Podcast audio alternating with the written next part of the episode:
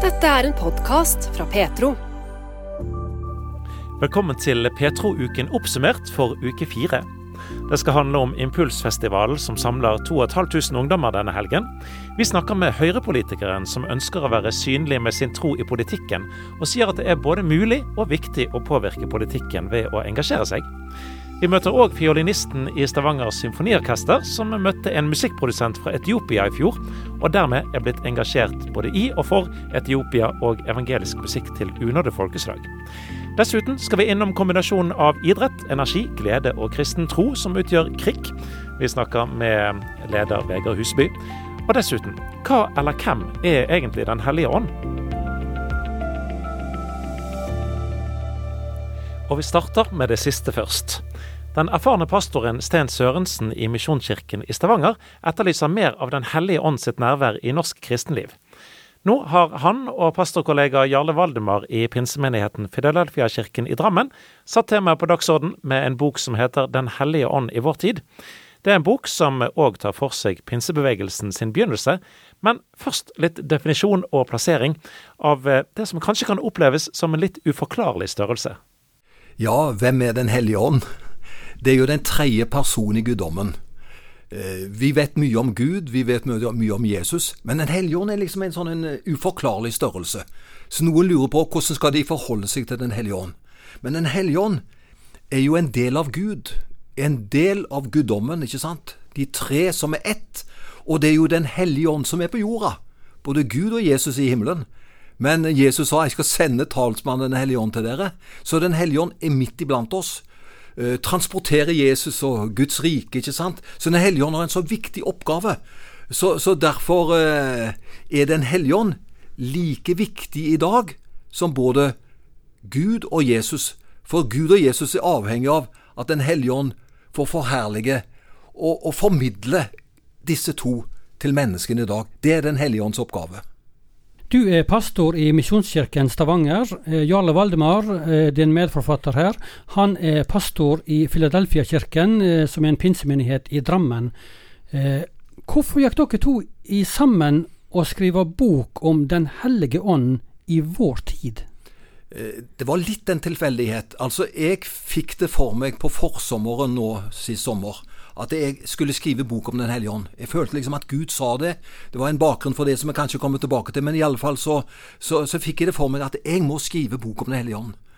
Og så spør Jarl, Jarle Valdemar under sommerstevnet i Sarensdal sist sommer. Du Sten, du har jo lovt meg at vi skal skrive ei bok sammen, du og meg. Når skal det bli? Ja, jeg, jeg holder jo på med ei bok nå, sa jeg, som jeg er i begynnelsen av. Hvis du vil bli med på den, så kan vi gjøre det, sa jeg. Jeg har et prosjekt, og den heter Den hellige ånd i vår tid. Og da sier Jarle, han er jo veldig sporty, jeg blir med. Så da ble det vårt bokprosjekt, som vi begynte i august for noen år måneder siden, å skrive den boka sammen. Og så kom den ut nå på nyåret, nå nylig i 2023, denne boka her. Og i forordet så, så står det at uh, i løpet av de siste tiåra kan det se ut som om lengselen og tørsten etter mer av Den hellige ande har stilna. Det kan virke som våre kirker òg har blitt mer åndsfattige og stille. Hva er det du savner, eller dere savner her? Ja, og Det var noe av bakgrunnen for at boka ble skrevet. Fordi jeg var sammen med noen kolleger i juni her på Forus. I fjor. I fjor. Ja. Her, her, i, ja, i Stavanger-Sandnes-området Forus, der hvor vi har menighetslokale nå. Så var vi samla, og så ble vi enige om, vi pastorer da, at når vi så tilbake på noe av det som skjedde på 90-tallet, så var det et sterkere nærvær av Den hellige ånd. Det var liksom at det, fornyelsen var mer var til stede. Det skjedde noe med våre hjerter. Og så ble vi enige om at det, de siste årene nå så er det andre ting som har vært på agendaen.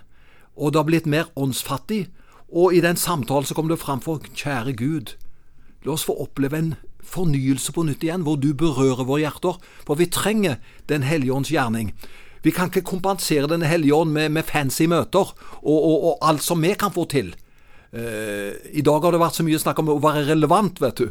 Men Den hellige ånd er relevant, og det er egentlig Den hellige ånds nærvær i dypest forstand vi trenger. Og hvis det skjer, da vil mye av det andre falle på plass. Så det er noe av bakgrunnen. En lengsel etter at eh, For eh, det er jo mye materialisme i dag. Og ikke minst de to årene med korona har satt en del eh, på sidelinja. Så det er en lengsel, og det er det som denne boka jeg håper skal, skal, skal, skal gi. En lengsel om å søke mer efter kilden med det levende vann. Dere kom også inn på historien eh, til pinsebevegelsen i Norge. Eh, for den sprang jo ut fra eh, en hending i Amerika på starten av 1900-tallet. Og da er stikkordet Los Angeles og Asusa Street. Og en vekkelse som fant sted fra 1906 til 1909. Fortell sånn kort, hva var dette her? Ja, det, det, var, det, det ble en åndsutgytelse, og det som var det Og det er typisk Gud. Han som var i bresjen for den bevegelsen, han var jo en, en mørkhuda. Og han fikk ikke komme inn på bibelskole, han, i sin sammenheng, for han var mørkhuda. Altså, han på en måte var satt til side.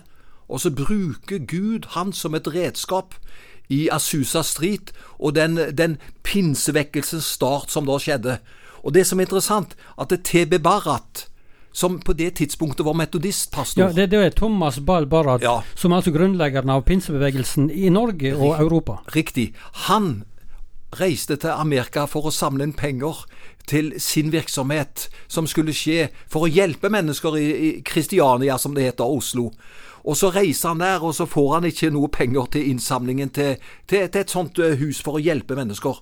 Men så er det en lengsel, og så får han høre om det som skjer i Los Angeles og Asusa Street. Og så får han oppleve hvordan Den kommer og fyller han, og får han oppleve at han blir, som pinsevennene sier, han ble åndsdøpt, begynte å bryte ut i nye tunger. Og så var det rett og slett et, et nytt åndelig liv som fulgte han. Og på bakgrunn av det som skjedde i Asusa Street, så ble han full av Den hellige ånd, kommet til Kristiania, og så bryter det ut en vekkelse som er opptakten til pinsevekkelsen i Norge. Men eh, når dere skriver bok nå om denne historien her, eh, må en være pinsevenn for å få tak i Den hellige ande, eller? Nei, og på ingen måte. Eh, Det har nok vært en periode hvor eh, pinsevennene så på seg sjøl som litt eksklusive. For vi har ånden, vi har åndsdåpen. Men eh, det er lenge siden de rammene er blitt sprengt. Og ikke minst oasebevegelsen som har kommet til Norge. Vi skriver bl.a. om oasebevegelsen i boka, så får vi skrive litt om disse åndsstrømningene. Ikke minst oasebevegelsen har jo betydd mye. Ved at mange har fått oppleve at ånden er jo for alle og utrustningen er for alle. Og så har vi litt ulike språk. Og også Jarle Valdemar og meg kan se litt ulikt på ting. Han er jo litt sånn pinsevenn, mer enn meg. Jeg ser litt videre på det. For det, for det er ikke alle som vil bruke åndsdåp. De ville kanskje bruke åndsfylde. At Gud fyller meg med en gave, et eller annet, ikke sant? Og, og, og det er ikke etiketten som er det viktigste, men at Herren får gjøre noe med våre hjerter, og at vi er åpne for Den hellige ånd. Og da skal vi få oppleve at det, Den hellige ånd gjør Jesus levende, ordet levende, og vi trenger den kraften i vår hverdag som Den hellige ånd vil gi oss. Hva ønsker du at eh, de som eh, kikker i denne boka her og, og leser den, eh, oppdager? At eh, Den hellige ånd er boende hos alle troende. Altså, det finnes ikke A- og B-kristne. Det finnes bare frelste av det Jesus har gjort. Og de som har sagt ja til Jesus, de har fått Den hellige ånd i sine hjerter. Så alle har fått Den hellige ånd. Men ønsket vårt er da at Den hellige ånd kan få mer rom hos oss. At Den hellige ånd kan få åpenbare mer av de bibelske sannheter, og gi oss mer av de gavene som Herren vil gi oss. Og da har vi åndens gaver, og så virker det fram til åndens frukt, og så er det masse interessant. Det vil bli en fargerik flora i Guds menighet når Den hellige ånd får virke. Og det ønsker jeg at den kan skape en lengsel efter mer av Den hellige ånd. At han kan gi oss strømmer av levende vann. Og det har jo Herren lovt at han vil gi oss. Du, Opp gjennom historien så har det òg vært en del sånn uh, ulike syn på dette med Den hellige ande, og vektlegging her. Litt sånn konflikter rundt dette her. Og hvordan skal en håndtere eller manøvrere i det landskapet der? Jeg, jeg tror vi er blitt flinkere til å manøvrere i det. For det var nok en periode hvor det ble en voldsom fokus på Den hellige ånd og åndsdåpen. Og da ble det eksklusivt, og da ble det nesten frastøtende fra andre. Vi må gjøre det slik at Den hellige ånd er tilgjengelig for oss alle. Og så må vi ikke gjøre dette til noe spesielt. Dette er naturlig. Og så har jeg bare gode nyheter til oss. Gud vil bruke den utrustningen han har gitt oss. Han vil bruke den måten vi er på. Altså, Han vil komme gjennom det naturlige. Eh, for, for vi har jo ulike syker, vi, vi er ulike måter. Men Gud vil bruke det som vi er. Vi skal ikke være en annen, vi skal få lov å være oss sjøl. Og så skal vi få oppleve at Den hellige ånd vil virke gjennom oss. Og da kan vi være til velsignelse. Og da opplever vi dette er ikke meg, det er Den hellige ånd som virker gjennom meg. Det sa Sten Sørensen, pastor i Misjonskirken Stavanger. Sammen med pastor Jarle Valdemar i Filadelfia-kirken i Drammen har han altså skrevet boken Den hellige ånd og vår tid. Reporter var Inge Kallestad. Kan forresten nevne at uh, Sten Sørensen ja, han fylte 70 år han, i uken som gikk den 25. januar. Så gratulerer med overstått. Du lytter til en podkast fra Petro. Så til noe som foregår i Stavanger denne helgen, og òg skal foregå i Trondheim neste helg. Over 60 000 ungdommer har vært innom ungdomsfestival Impuls siden det ble arrangert første gang i år 2000, da i Imi-kirken i Stavanger. Dette året så måtte en stenge påmeldingen tidlig, fordi det var rett og slett ikke plass til flere. Daglig leder Halvor Lindahl tok vi en prat med tidligere i uken, og han har hatt travle dager, men er veldig takknemlig for å få lov til å være med på dette. Det er først og fremst et veldig veldig stort privilegium. Og skal du få en god middag, vet du, så må du koke litt ja. eh, passelig. Og det, det, det, er sånn det skal være. Du, det er et stort privilegium. Eh, og mest av alt eh, utrolig takknemlig til Gud at han får la oss lov til å stå i det og være med på det han gjør eh, denne tida fortsatt. Mm. Eh, og så er det jo en, en, en store, store gjeng av medarbeidere og frivillige folk som, eh, som, gjør dette her mulig. Det gjør oss ydmyke og takknemlige for at vi får være med på det. Har du tall på hvor mange ledere som dere har innom eh, denne helga? Vi har eh, mange medarbeidere med oss. Eh, og eh, Snittet vårt er på drøyt og godt mellom 400 og 500 medarbeidere som gjør denne helga tilgjengelig. Mm. Mm, og mange er gjerne med år etter år også? Mange har vært med år etter år. Ja. ja jeg har, mm. har, noen medarbeidere og ledere som har vært med i nesten helt fra start. Så eh, de har snart vært med 24 ganger, som, som noen av oss. Du, Dette starta da altså som en egentlig engangskonferanse i 2000, med Mike Pilavacci som taler. Han er også med i år. Mm. Fortell litt om han, og om hvorfor det ikke stoppa med den ene konferansen i 2000. Ja, det lurte jo mye på den gangen. Vi hadde lenge da, i slutten av 90-tallet, hatt en god kontakt med Den anglikanske kirke og Mike og Soul Survivor og den bevegelsen og kirkene de, det de jobba med. Vært med på sommerkonferansene deres og opplevde at de var med og ga oss så mye godt inn i ungdomsarbeidet vårt på den tiden. Eh, og ønska å invitere Mike å komme til Norge for å, dele noe av det hjertet og det de sto i. Eh, og Det opplevde Gud velsigna de med. Eh, og, og, tenkte at det skulle være en sånn engangssak. Men så, så, skjedde jo det at det ble jo så trykk for å komme. Gud gjorde veldig mye godt i forhold til at mennesker ble utrusta, satt i stand, satt fri til å leve i, i kallet han hadde for dem, og, og av ungdomsledere og ungdom. Så, så vi skjønte, og det var kanskje det ordet fra Jesaja 43 eh, som ble viktig for oss den tida, om at se, skaper noe nytt, det spirer allerede fram. Merker dere det ikke?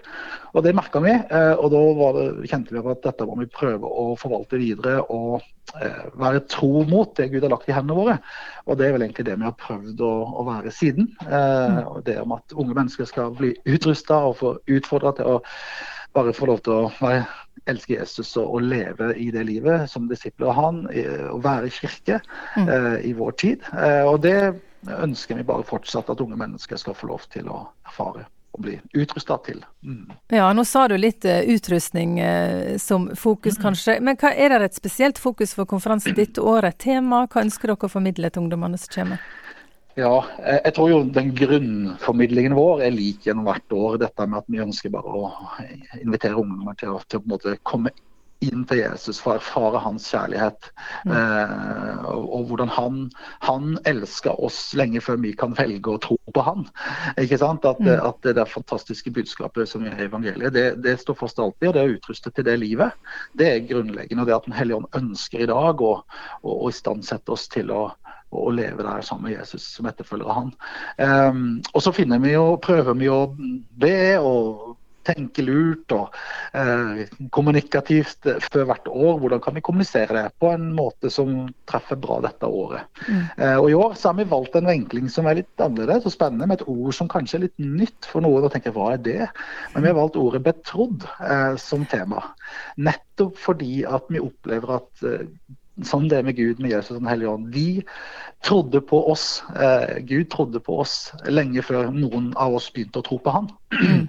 og eh, det at vi er betrodd, det, det livet, den kjærligheten, å få lov til å bli invitert inn i det, det ønsker vi å formidle. Eh, til at vi kan være med å gi videre av det Gud har gitt oss. Eh, og det har han invitert oss til, like til jordens ende, vet vi. Så, så det er ønsket i år med at ungdommene og lederne som er der, skal få lov til å erfare at vi er betrodd noe av Gud. Ikke som en ting som er tung, ting, en tung bør som er lagt på oss, men som en frimodig invitasjon til at han står ryggen og er livet og er foran og bak. Men han mm. er betrodd oss å være med i denne verden og spre de gode nyhetene. Ja. Du, Og så er det jo møte, vanlige møter. Lovsang, seminar, mm. konsert. Mm. Litt forskjellig eh, denne helga. Absolutt. Eh, ganske variert program, men jeg er ganske tro mot de eh, tingene som vi starta med for, eh, mm. for 23 år siden. Med dette som går på, på lovsang, på god undervisning og forbønn, eller det å bli betjent, derfor uh, eh, utrusta, det er hovedhjerteslaget i det å være mm. på impuls. Så selvfølgelig masse fellesskap, masse godt. Det å være mange sammen, uh, kunne feire, ha, ha, det kjekt og kose seg. Uh, det, det, det, er viktige ingredienser. Men det mm. en ramme av at det er veldig tydelig hva som er fokuset på hele Impuls. Tilbake til det, da med å være samla fellesskap. Hva betyr mm. det for, for ungdom å være samla på denne måten, tenker du? Og kanskje spesielt nå etter et par år med korona? Ja, det, jo, det, gjør jo på en måte det at vi nå måtte stenge påmeldingen enda på en måte takknemlig for. Jeg tror ungdommen, og jeg tror vi voksne trenger mm. virkelig det der fellesskapsdelen igjen. og Vi begynte å komme opp i fart på noen steder.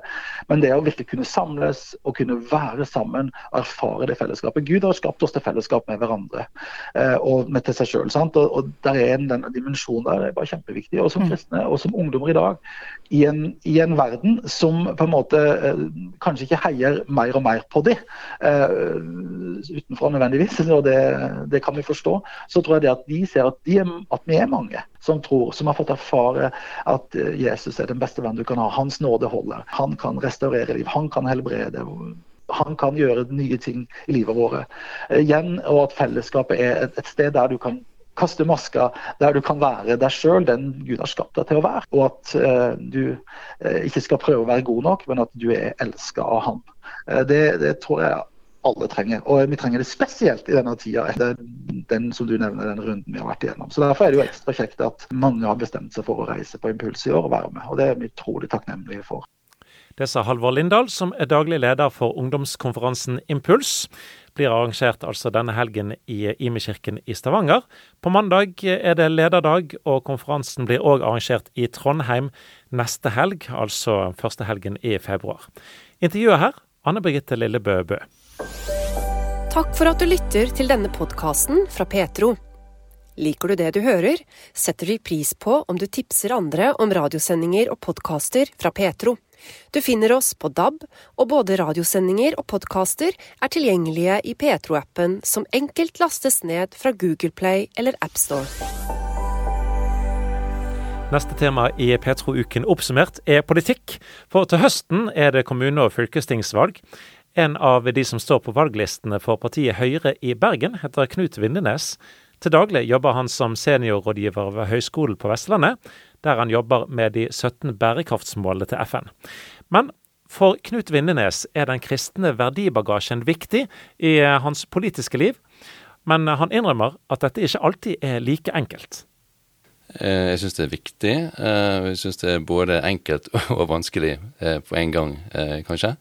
Når jeg gikk fra KrF i 2018 til Høyre, så var det litt sånn prosess med at jeg måtte tenke litt nytt igjen på en god del ting. Jeg, jeg, jeg laget en slags avtale med meg sjøl, og det var at nå skal jeg ikke forlate den kristne verdibagasjen min, for å si det sånn. Nå må jeg, nå må jeg være bevisst på å ta det videre med inn i Høyre. Og, og så oppdaget jeg at det var ikke for mange, for å si det forsiktig, i Høyre som holdt det altså verdiflagget, eller kristne verdiflagget høyt. Så, jeg, så det er blitt en en viktig sak å gjøre det når det er naturlig å gjøre det. Ikke sånn i tide og utide og hvert møte, men når det er naturlig, så eh, har jeg så må det være modig nok på det, da. Og det syns jeg funker sånn greit.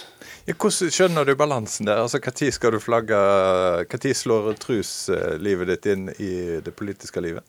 Altså Det gir seg litt sjøl. Eh, det er jo noen saker som er gjennomsyret. sant? Altså konverteringsterapi eh, saken som var oppe til behandling i bystyret i Bergen nå eh, senest eh, i høst. Det var det vel for så vidt i alle kommunestyrer rundt om, fordi at regjeringen hadde en høringsrunde eh, på nytt lovforslag i forhold til det. Eh, da var jo det en opplagt sak å, å kommentere på, og, og, da tok jeg til orde eh, på det i Høyre sitt interne gruppemøte på det. Eh, og da var jeg litt sånn røsten mot strømmen på en måte på det, og husker jeg måtte ta ordet en ekstra gang etterpå for å på en måte tydeliggjøre eh, hva, jeg, eh, hva, jeg, mente eh, om det, eller hvor jeg på en måte sto, eller, eller eh, rydde unna misforståelser eller sånt på det. Ehm, men, men eh, da klarte jeg faktisk å, å påvirke litt hva retning partiet tok i den saken, sånn at det ble litt sånn det ble en annen dynamikk. Altså, eh, eh, og det ble faktisk en egen sak i Bergensavisen eh, på det. På at her var det litt sånn eh, splid, eller det var ikke, ja, kanskje ikke splid, men det var iallfall en uh, uenigheter internt i Høyre-gruppen. Og så, uh, sto ikke da KrF alene i bystyret på det, men det ble en annen dynamikk. Så det var jo et eksempel på at man, man kan, alene for den saks skyld, påvirke saker og påvirke dynamikk. og og jeg tror jo at over tid, når man påvirker sak for sak, så kan man bevege politikken i, i, i kristen eh, verdiretning. Eh, og Derfor så er det så utrolig viktig at eh, kristne går inn i samfunnsutviklingen i partipolitikken i alle partier, egentlig. Ikke bare KrF, som er et veldig viktig parti men, men, i alle partier. Og for meg så ble det Høyre. Men det var det jeg lurte litt på. altså Hvordan er det å ta sånne tema alene? Er det enklere å være i et parti der du er en del av flertallet? Det med å være alene, det, det har vel litt med trygghet på seg sjøl, litt uh, å være forberedt uh, godt nok, og, og, litt det med mot til å ta ordet og uh, forfekte ting som man vet ja, er litt mot strømmen, da. Men, men, jeg er veldig altså For det første så er jeg opptatt av å stå for en bred linje, altså være opptatt av flere saksfelt, sånn at jeg er relevant generelt sett på i mange saker, sånn at, det, at det lyttes til. Det er viktig. Og så er det da å, å peke meg ut, eller å våge å være tydelig da på de sakene der jeg ser at det er viktig å, å tone det kristne flagget. Ja. Internt i, i partigruppa så sitter dere jo rundt Du brukte et ord når vi snakket tidligere. Du sitter rundt bordet og mm. et i lag, og dermed får en jo en dialog og kanskje en eh, lettere respekt for hverandre. Men så har du sosiale eh, medier, eh, der en ikke nødvendigvis kjenner hele bakteppet før en uttaler seg om ting. Mm. Hvordan opplever du det å, å være en profilert uh, politiker i Bergen, og, og, der trusaspektet ditt er så viktig for deg? Er det en belastning når du tenker på det sosiale medier og, og det som kan skrives der? Jeg kjenner nok på det at altså det er vel en, en generell utfordring i det norske samfunnet at, uh, og det er en problemstilling sant, at, at, mange kristne mennesker uh, toner ned sin kristne tilhørighet. og Man, man, man trekker faktisk ikke frem på CV-en engang at man har sånn og sånn uh, på en måte kristen organisasjonsbakgrunn og sånn. Um, så, så, jeg kjenner jo på noe der. da, samtidig, Og, og det er vel litt sånn at hvis jeg da og, og det, er jo ikke, det er jo ikke ofte jeg skriver eksplisitt om kristne ting, men det er naturlig, for det er noe med at og at ikke løfte det frem ut, i tide og utide, men når det er naturlig, f.eks. For i forhold til jul kan det er relevant, sant? i påske og disse høytidene. Sant? Eh, men da gjøre det på en eh, mest mulig folkelig og, og, eh, og, og, grei måte. Men jeg kjenner jo at det koster litt hver gang. Men, man, men det er jo noe med å våge å gå utenfor komfortsonen. Vi har jo veldig lett for å tenke at hvis du er en del av et annet parti enn Kristelig Folkeparti, så er det kanskje ikke de kristne verdiene som blir flagga høyest. Hva tenker du om det?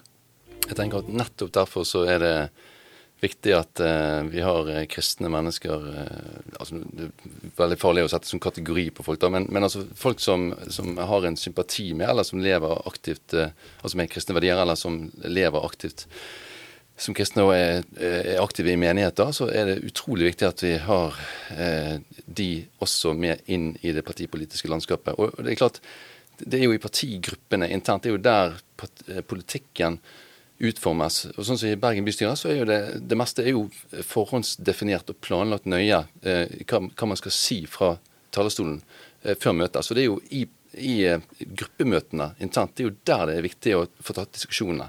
Og Så har kristne ved bordet der, helt sånn bokstavelig talt, som våger og, og evner å å ta til orde eh, i disse sakene eh, og, og, tone flagg på de kristne sakene, eh, kristne sakene altså på, på, saker som har en verdiprofil, det, det er kjempeviktig. Men opplever du at eh, hvis det går an å si det sånn, da, Menighets-Norge, Kristen-Norge heier på, på, dere som tar et sånt samfunnsoppdrag? Jeg tror det er litt å gå på der. Um, jeg, jeg, tror um, Jeg tenker at mange menigheter bør bør tenke om sitt oppdrag at det ikke bare handler om Misjonsbasaren, ikke bare om gudstjenesten på søndagen, og ikke bare om alt det viktige barne- og ungdomsarbeidet, men det handler også om, i tillegg til å, å være aktiv i samfunnsdebatten og i samfunnet rundt seg. Og da, og da, tenker jeg at det er ikke nok å be for, selv om bønn er fattelig viktig, så er det ikke nok da å, å be om at kommunen og nasjonale myndigheter skal, skal eh, velsignes. Det er kjempeviktig, det òg. Men, men, jeg tenker at man må faktisk inn i partipolitikken eh, med, med, de utfordringer det gir. For det er klart da må du bruke mye av tiden også på saker som ikke kan relateres inn mot kirke eller eh, livssynsorganisasjoner eller, eh, eller, på en måte kristne verdisaker. Men, men, at du er der når også de sakene kommer opp, og at du kan styre på en måte hele samfunnet. For det er jo mange saker som er indirekte verdisaker, tenker jeg. Men mister en litt uh, muligheten til å være med og påvirke hvis ikke en sitter ved det politiske bordet? Ja, det vil jeg si. Altså Selv om vi lever i et, i et fantastisk samfunn, demokratisk samfunn som Norge, der alle kan henvende seg til politikerne når det er lav terskel på det, så er det voldsom forskjell eh, på tenker jeg, det å gi et innspill på en e-post eller noe sånt, og det å sitte faktisk rundt bordet og kjenne på dynamikken og kunne påvirke dynamikken eh, i, i, diskusjonen.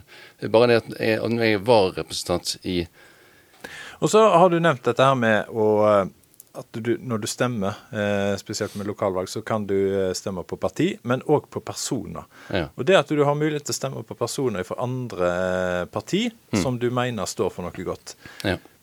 det betyr vel at personer fra andre parti òg må være synlige med f.eks. tru. For at personer som ønsker å ha det mm. som et viktig tema i valgkampen, kan gi de personene si stemme, selv om vi ikke gir mm. partiet stemmer. Ja, ja, det er et kjempeviktig poeng, eh, som er egentlig en viktig kjepphest for min del. Så jeg tenker at det er fantastisk at et parti som KrF eh, får mange velgere, og, og, at mange stemmer på KrF er kjempeviktig. Og så er, det, så er ordningen da sånn at du kan gi såkalte slengere, altså du kan gi personstemmer, så og så mange, det er vel ti stykker du kan gi til, til eh, til personer som du har sans for da, på en eller annen måten i andre partier. Sånn. Så du kan f.eks. gi til to stykker i, i, Høyre, du kan gi til to stykker i Arbeiderpartiet, til Miljøpartiet De Grønne, til Venstre osv. osv. Og, da, og da får de, for hver sånn slenger, som vi kaller det, da, så, så får disse partiene da en personstemme som kan løfte de opp på listen. Og, eh, og sånn sett altså inn i kommunestyret, da, eller bystyret som det heter i Bergen. Så det er kjempeviktig. Knut Vindenes representerer altså Høyre i bystyret i Bergen. Årets kommune- og fylkestingsvalg det er mandag 11.9. Intervjuet her det var Bjørn Steinar Haugland.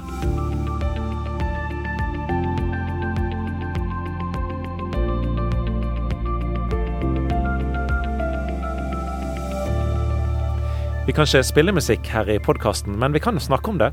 Og nå skal det handle om en fiolinist i Stavanger symfoniorkester som har fått et engasjement i og for Etiopia. Men vi starter eh, i den mer hjemlige enden, for familien Mo var en kjent eh, musikalsk familie i Rogaland på 70- og 80-tallet. Alle søsknene og foreldrene spilte og sang, og de reiste rundt og eh, bidro forskjellige steder. Bjarte Mo han er glad for at det ble fiolinen som ble hans instrument, og ikke cello. Du, det var kanskje ikke så mye musikk hjemme som mange faktisk egentlig tror. Nei. Uh, vi var mye ute og spilte og sang. Um, har vel kanskje vært i de fleste bedehus og kirker i området. Uh, men hjemme var det ikke sånn at vi øvde kjempemasse sammen. Vi øvde før vi skulle ut, liksom. Det var helst den greia der. Men uh, selvfølgelig utrolig fint. Det som jeg faktisk husker best, det var at vi veldig ofte, når, når vi hadde vært ute og spilt og sunget, så kjørte vi biltur etterpå. Utover Jæren, ut og så på strendene. Ja. Det var liksom litt av greia. Ofte var dette i helgene, sant. Så det var liksom kombinert med en biltur. Mm. Men foreldre la i alle fall til rette for at dere skulle lære å spille ulike instrument. For Ja. din del uh, fiolin. Ja, Ja. det ble uh, fiolin, og det syns jeg er et godt valg. Må tenke på det, Hvis du spiller cello, er det ganske heftig å dra med seg rundt. ja. Vår ene søster di spiller det. Ene søs to søstre faktisk to spiller. spiller cello, ja. Begge søstrene spiller litt. Og alle dere fire søsken er fortsatt eh, aktive i musikk, mer eller mindre. Og jeg vet at du også er veldig interessert i fotball. Det kom vel til et punkt, Bjarte, der eh, du måtte ta et valg i hva du skulle satse på? Jeg eh, liker jo å hausse opp denne sant, tanken på hvor god jeg var. Men ja, jeg var ganske aktiv, og um, jeg sprang en gang en stafett. Ullandhaugstafetten, den berømte Ullandhaugstafetten. Og mens jeg sprang, så røyk jeg et muskelfeste Ah, i hoften. Og det var rett før jeg skulle velge hvilken linje jeg skulle gå på, musikk eller idrett. Akkurat. Og jeg har klandra min mor. At hun ba om at dette skulle skje. Ja. Dette tror jeg var et bønneemne. At jeg skulle velge musikk istedenfor idrett. ja. Mm. Men syns du det er trist når du tenker på det nå? Nei, hun hadde et veldig godt poeng. Hun sa det, Ja. Du må huske det at uh, i musikken, den kan du holde på med til du er pensjonist. I Mm. fotball er du pensjonist når du er 30. På den tida var du det. Og det ble fiolin for deg, da. Er det sånn at du øver masse, Bjarte?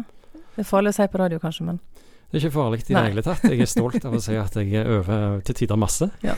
Og til tider, til tider mindre. Det er klart at jeg er jo i en alder hvor jeg begynner å bli erfaren.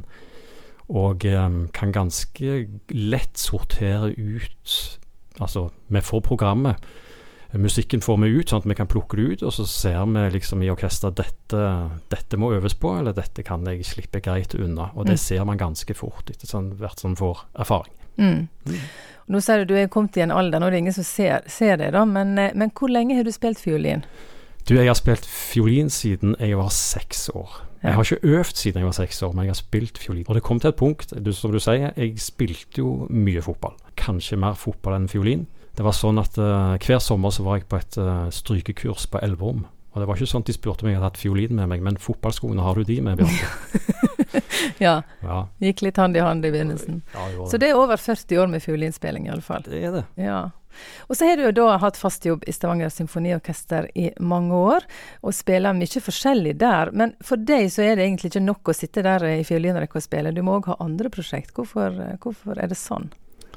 Du vet at du har eh, Du har jo en stemme, sant?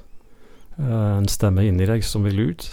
Um, Og den blir jo på en måte Du blir en av mange i et orkester, det gjør du. Det er en fantastisk jobb, og nivået har aldri vært så høyt som det er nå Mm. i Stavanger Symfoniorkester. Men, men det der å være ute og ha sin egen stemme, det er utrolig viktig. For hvis ikke så du dør litt hen, og så er det òg tøft å stå på en scene alene med fiolin. Så det, det er òg en treningssak at hvis du ikke utsetter deg for det, så blir det tøffere og tøffere. Så eh, jeg tror det er viktig å gjøre det både på den måten og på den måten at du bevarer musikeren i deg. Mm. Du Fortell litt om ting du er og har vært med på, da. Åh, det er jo eh, Jeg er så heldig at jeg får lov til å være med på utrolig mye. Jeg blir ofte leid inn til settinger sant, hvor de trenger en fiolin. Jeg er jo veldig glad i Økland sine julekonserter, som jeg, er, som jeg er med på hvert år. Nå har jeg faktisk nettopp avslutta et prosjekt som har vært veldig kjekt. Jeg har over en del år savna gode strykearrangementer for, på julesanger. Uh, for strykekvartett. Mm. Så det har jeg holdt på med en del år, og så har jeg nå eh, fått en muntlig avtale på at det skal gis ut. Så jeg putler med litt, litt av hvert, egentlig. Mm. Vi spiller òg flamenco, faktisk. Flamenco-band. Så eh, det spriker i alle retninger. Mye forskjellig. Ja, det er litt sånn Av til føler jeg at jeg kan ingenting. Eh, eller litt av alt, sant. Og Mm. litt sånn potet i fiolinspill. Men um, til sammen så blir det visst ok. Mm. Absolutt, og det kan jeg skrive under på, så var heldig å fått lov å sunge når du har spilt.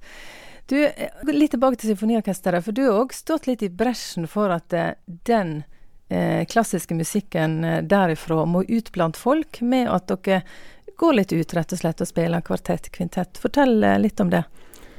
Du, vi har hatt et prosjekt som vi kaller SSO Underground. Og det er hele ideen at vi bare skal dukke opp uanmeldt. Ja. For det der overraskelsesmomentet, det gjør Det gir et eller annet ekstra til en sånn opplevelse. Og så er det sånn at vi bare Vi dukker opp en plass, og så spiller vi maks fem-seks minutter. Og så gir vi noe godt til noen mennesker. Tilfeldige mennesker. Mm. Og der har vi hatt ufattelig mange fine opplevelser. Vi har vært på privathus, vi har vært i institusjoner. Uh, til og med i fjøs har vi spilt, for kyr. Så vi, vi, gjør, uh, vi, gjør, mye spennende i orkesteret. Hva gjør sånn musikk med folk da, spesielt når det kommer litt sånn uanmeldt? Hva opplevelser har du med det? Nei, jeg, vi var hjemme hos ei, og hun, huset var egentlig ganske bomba. Sant? Hun satt der med, med, en liten unge på fanget og egentlig bare begynte å grine. Ja. Og tenke 'hvorfor meg?' Så spiller vi selvfølgelig noe veldig fint. Mm. Uh, og mange har knapt sett et instrument på nært hold før. Sant? Så mm. det å få en strykekvartett live inn i stuen, det kan bli ganske mektig. Til daglig så jobber Bjarte Moe som fiolinist i Stavanger symfoniorkester, men et møte med en musikkprodusent fra Etiopia i fjor førte til at han nå òg snart er å høre i Etiopia. Det handler om evangelisk musikk til det som kalles unådde folkeslag, altså folkegrupper der kristen tro ikke er kjent det var en litt mystisk start, eller fascinerende start. fordi at i sommer, så, eller sensommeren, så plutselig så står det, ringer det på døren, og så står det et par utenfor døren min. Den ene er en nabo av meg, to hus bort forbi, og den andre viste seg å være svogeren hans. Og svogeren han hadde vært to måneder i Stavanger um, for å besøke familie. Um, og han var musiker, viste det seg. Musikkprodusent og musiker fra Addis Abeba. Um, han hadde vært der i to måneder, som sagt, og han hadde ikke truffet musikere. Og så hadde han, før han dro fra Addis til Stavanger, så han sagt til Gud jeg har selvfølgelig lyst til å treffe familie, men har lyst til å treffe musikere. Så hadde han ikke truffet noen musikere. Så hadde han liksom et par dager før han skulle reise hjem, så hadde han sagt til sin svoger du, du vet at jeg hadde utrolig lyst å, å treffe noen musikere. Ja, så skal, sier han jeg kjenner til noen. Og så hadde han vist på YouTube, da, meg og så det flamenco-bandet. Der har jeg eh, Han som lager musikken i dette flamenco-bandet, heter Asgeir Aaren og er gitarist. Så hadde han sagt han, han er Ermias han heter. Det er jo akkurat sånne musikere vil treffe. Så viser det seg at han lager fantastisk musikk. Jeg får høre musikken. Eh, men grunnen til at han ville treffe sånne musikere som oss, det var at på musikken sin så har han masse samples. Hva er samples? Samples er egentlig bare kunstige strykelyder ja. og kunstig akustisk gitar. De har masse flotte musikere i Addis og Etiopia, men akkurat det med strykere og klassisk gitar, mm. det har de ikke. Mm. Så derfor, så med en gang han hørte at jeg bodde to hus på forbi, så fikk han sjokk, og så syntes han det var ufattelig trist at han skulle reise hjem om to dager. Ja. mm. Ja, og hva skjer videre nå da? For, du, for, jeg har jo sett at du faktisk har vært og spilt inn noe til han. Du, vet du hva, jeg kjente når han begynte å fortelle om dette prosjektet i Etiopia, uh, så kjente jeg at jeg må hjelpe han på den måten jeg kan. Uh, ideen hans er å lage musikk Det er jo så mange stammer, mm. mange språk i Etiopia. 80 minst. 80 minst, ja, mm. faktisk. Så han lager for oversatt evangelisk musikk til disse språkene. Han besøker flere av disse stammene, for de har sin egen rytme. Mm. Så impliserer han rytmen deres, språket deres, og så gir han ut evangelisk musikk mm. som ikke fins på dette språket før. Fascinerende. Det er fascinerende. Mm. Og Du har også fortalt at faren hans har gått på skole her i Stavanger? Ja, det er jo det som er. Også han, han gikk her for en del år siden, og så, dessverre så, så, døde han brått for noen år siden. Men han var veldig sterkt engasjert i eh, kirkebygging i Etiopia, kirker og skoler. Eh, så han Eremias, han, når faren døde, så ville han fortsette dette arbeidet, dette mm. kallet, og da ville han bruke musikken. Så det Eremias gjør, han har Han bruker Han er en ungkar. Han bruker alle sine midler som han får ved å Han, han tilknytter denne mekanekirken. Mekanesis, ja. ja. Mm. Uh, så han jobber på skole der, i, underviser i musikkproduksjon, og så driver han studio. Og så bruker han pengene sine til å hyre tre i hvert fall tre band til å øve hver uke for at de skal bli virkelig gode. Hmm. Hmm. Fascinerende. Ja. ja.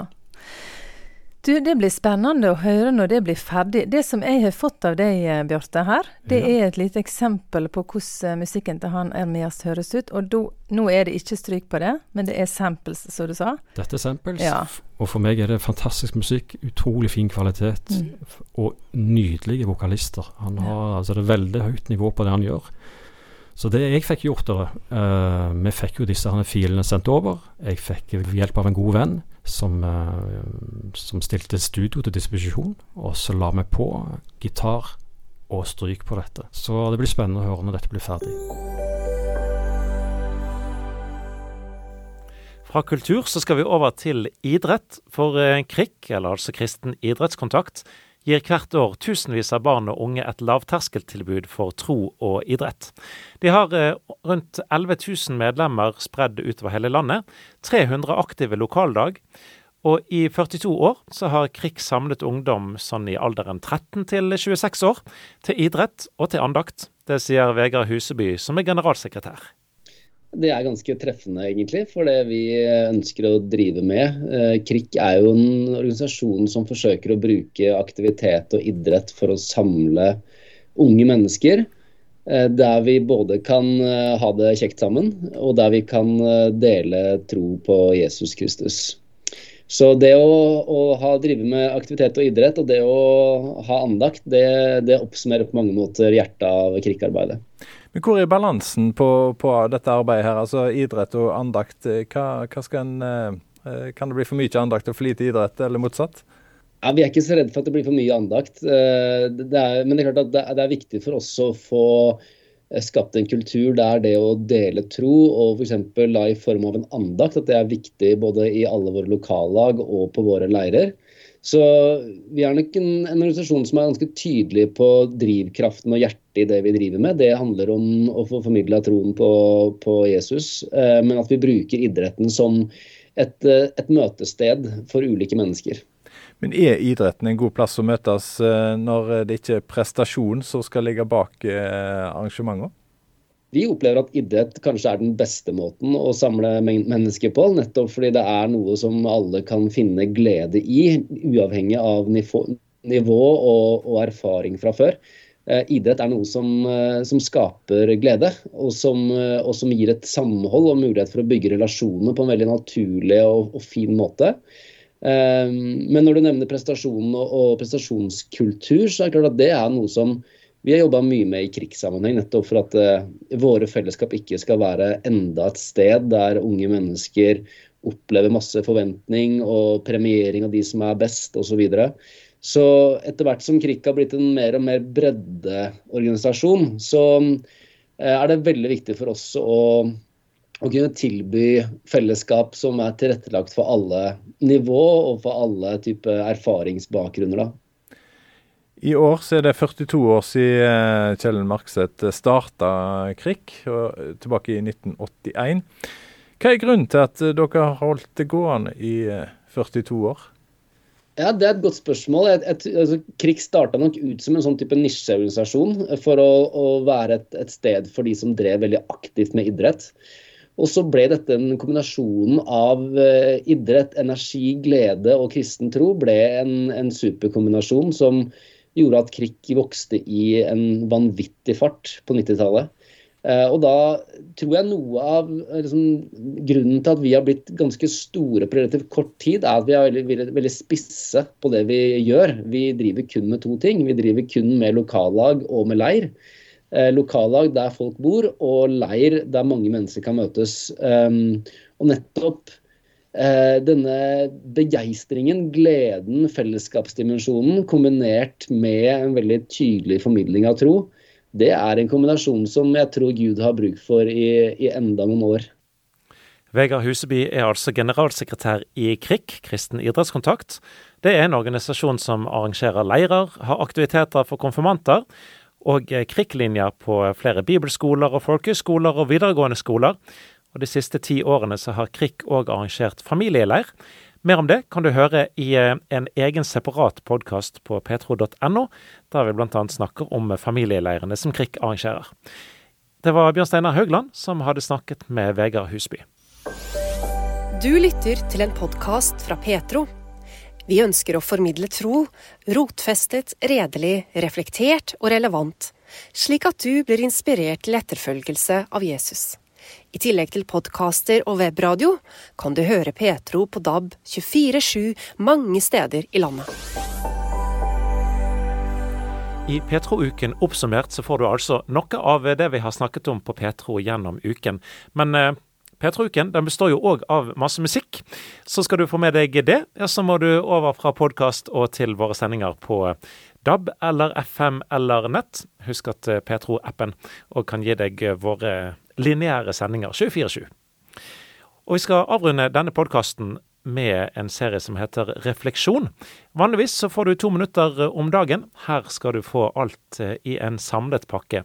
Hver uke så ber vi nemlig en person om å lese bibeltekstene som skal brukes eh, den kommende søndagen i Den norske kirke sine gudstjenester rundt omkring i landet. Og så eh, ber vi de dele sine tanker med oss etter å ha lest disse bibeltekstene. Denne uken er det Tove Strand Karlsen som har gjort dette. Hun er brukskunstner og òg menighetsarbeider eller forsamlingsarbeider i Hamarkirken. Jeg har lest en liten historie som Lukas forteller om i Bibelen. Den handler egentlig om en mann som var blind, men i dag tenkte jeg på en annen liten ting i den teksten. Eh, for det står at uh, den blinde mannen hørte at det kom mye folk på veien foran han der han gikk. Ja, du vet, de som er blinde, de hører gjerne ekstra godt. Og nå hørte han sikkert både skritta og snakkinga kanskje, og iveren som denne menneskeflokken hadde. Og så ble han så nysgjerrig, så han lurte på hva det var som sto på. Så var det noen som forklarte han at eh, det er Jesus fra Nasaret som kom forbi. Og det var faktisk hele forklaringen. Å, så det var grunnen til at det var så mye folk, at Jesus fra Nasaret kom forbi. Hva var det med Jesus som hadde en sånn tiltrekningskraft på folk? Det var mange som hørte Jesus som ble sinte, for han provoserte med det han sa og gjorde. Han røska liksom litt opp i selvfølgeligheter og pirka litt borti ting som de trodde var sannheter, og som de levde etter, og, eh, og kanskje de til og med satt litt fast i. Og da jaga de ham vekk, de ville ha han av veien. Han er en oppvigler, sa de og så ville de steine han til og med. Men så gikk ryktene. Kanskje noen sa, ah, vet du, han hjalp meg, eller han så meg, han la merke til meg, og han velsigna gutten min, vet du hva han gjorde mot meg, eller vet du hva han sa? Og så kunne de fortelle om noe som virkelig gjorde inntrykk, eller noe som hjalp dem, eller kanskje noe som satte dem fri. Og når ryktene gikk sånn, så var det mye sterkere enn de som advarte, eller de som ville ha han av veien. Og så var det mye folk som kom der Jesus kom. Der er han! Kom, la oss høre hva han har å si i dag, eller la oss se hva han vil gjøre i dag. Det er få forunt å ha en sånn tiltrekningskraft på folk som det Jesus hadde. Hva var det for noe?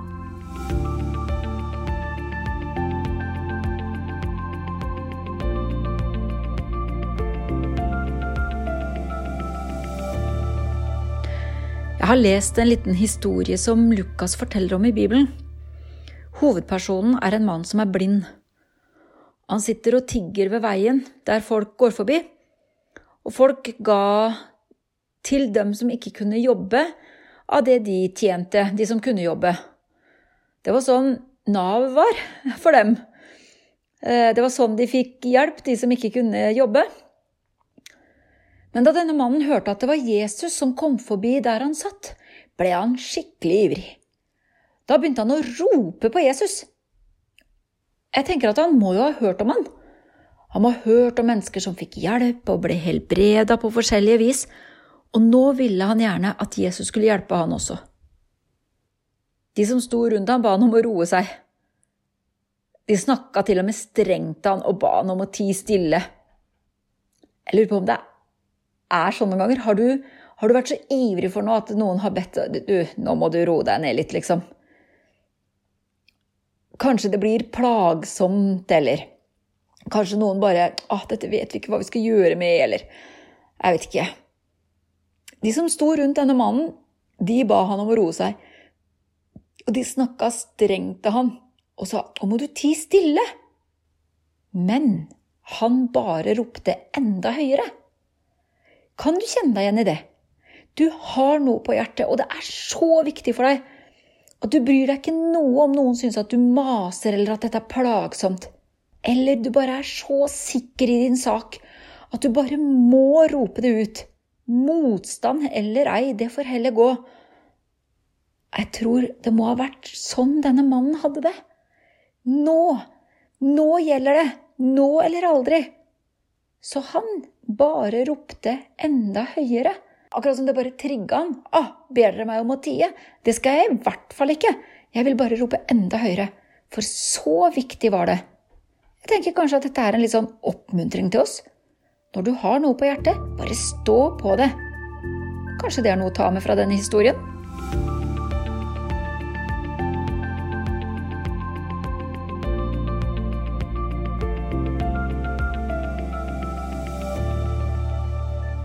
Jeg fortsetter litt til på den lille historien som Lukas forteller om i Bibelen.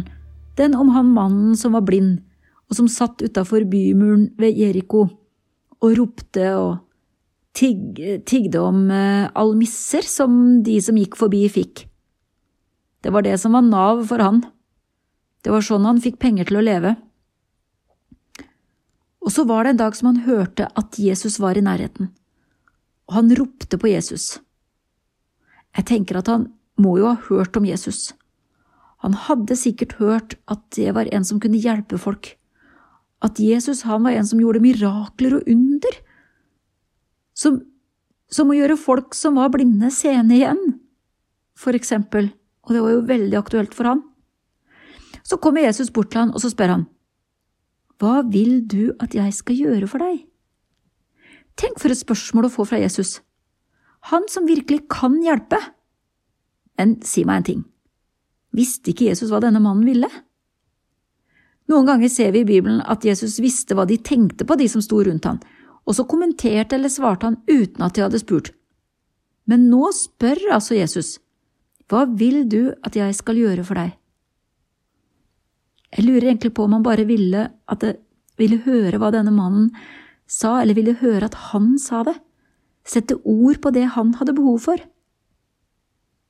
Jeg tror han spør deg også om det.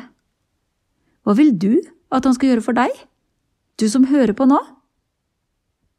Har du et ønske, har du noe som du lengter etter at noen skal se, eller lengter du etter at noen skal forstå deg? At det liksom skal bli å, kan jeg bare få si akkurat dette som jeg lengter sånn etter, til noen? Du kan si det til Jesus, for han er en sånn som spør, hva vil du jeg skal gjøre for deg?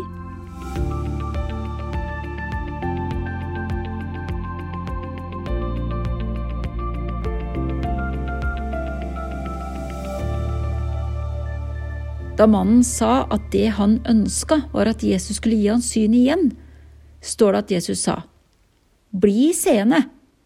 Og så bare ble han det. Han kunne se.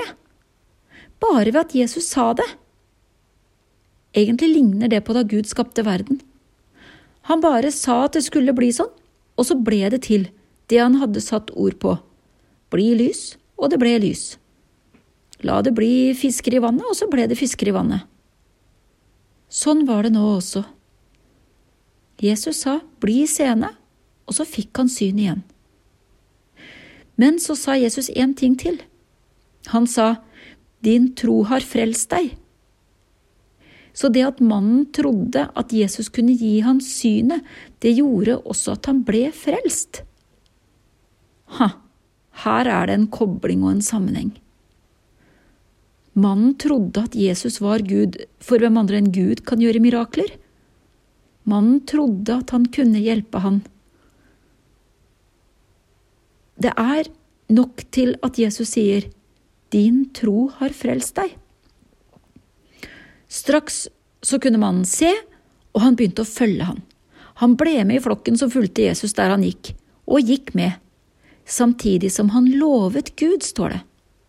Og det står til og med videre at hele folkemengden som var der og så dette, lovpriste Gud. De trodde det var Gud som hadde gjort det, og de ga han all ære. Det er virkelig til etterfølgelse, eller hva? Når Gud gjør noe i livet ditt, så husk å takke og lovprise Han. Han som kan gjøre mer enn det vi ber om og forstår. Han som er Herre, Han som er den eneste som kan gjøre mirakler i livet våre.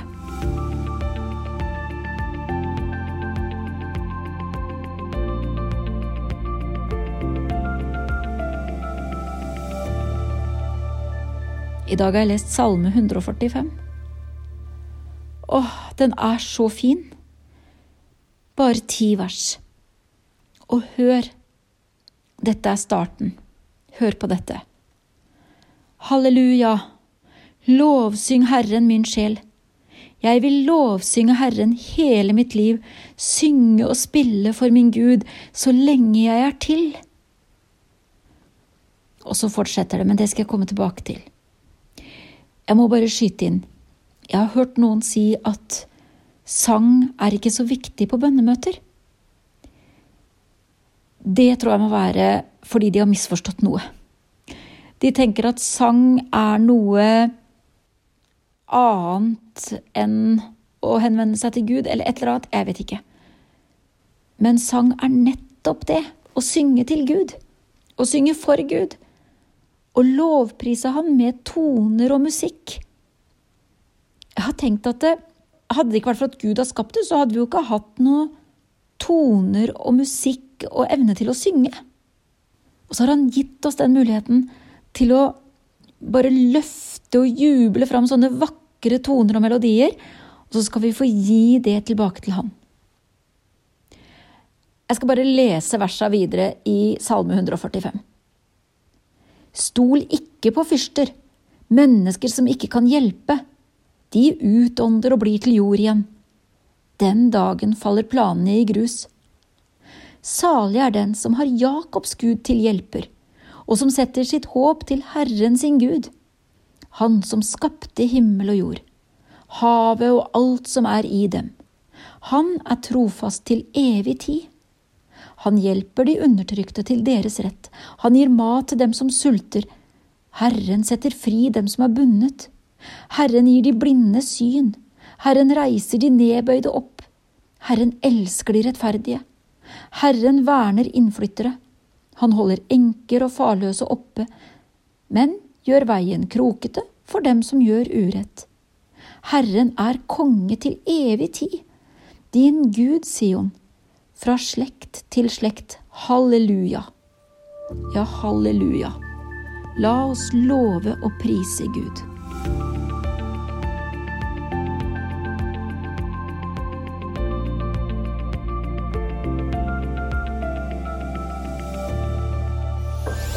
Du har lyttet til en podkast fra Petro. Flere podkaster fra oss finner du bl.a. på petro.no og i Petro-appen. Der kan du også høre radiosendingene våre 24-7. Husk også at vi sender på DAB mange steder i Norge. Vi høres!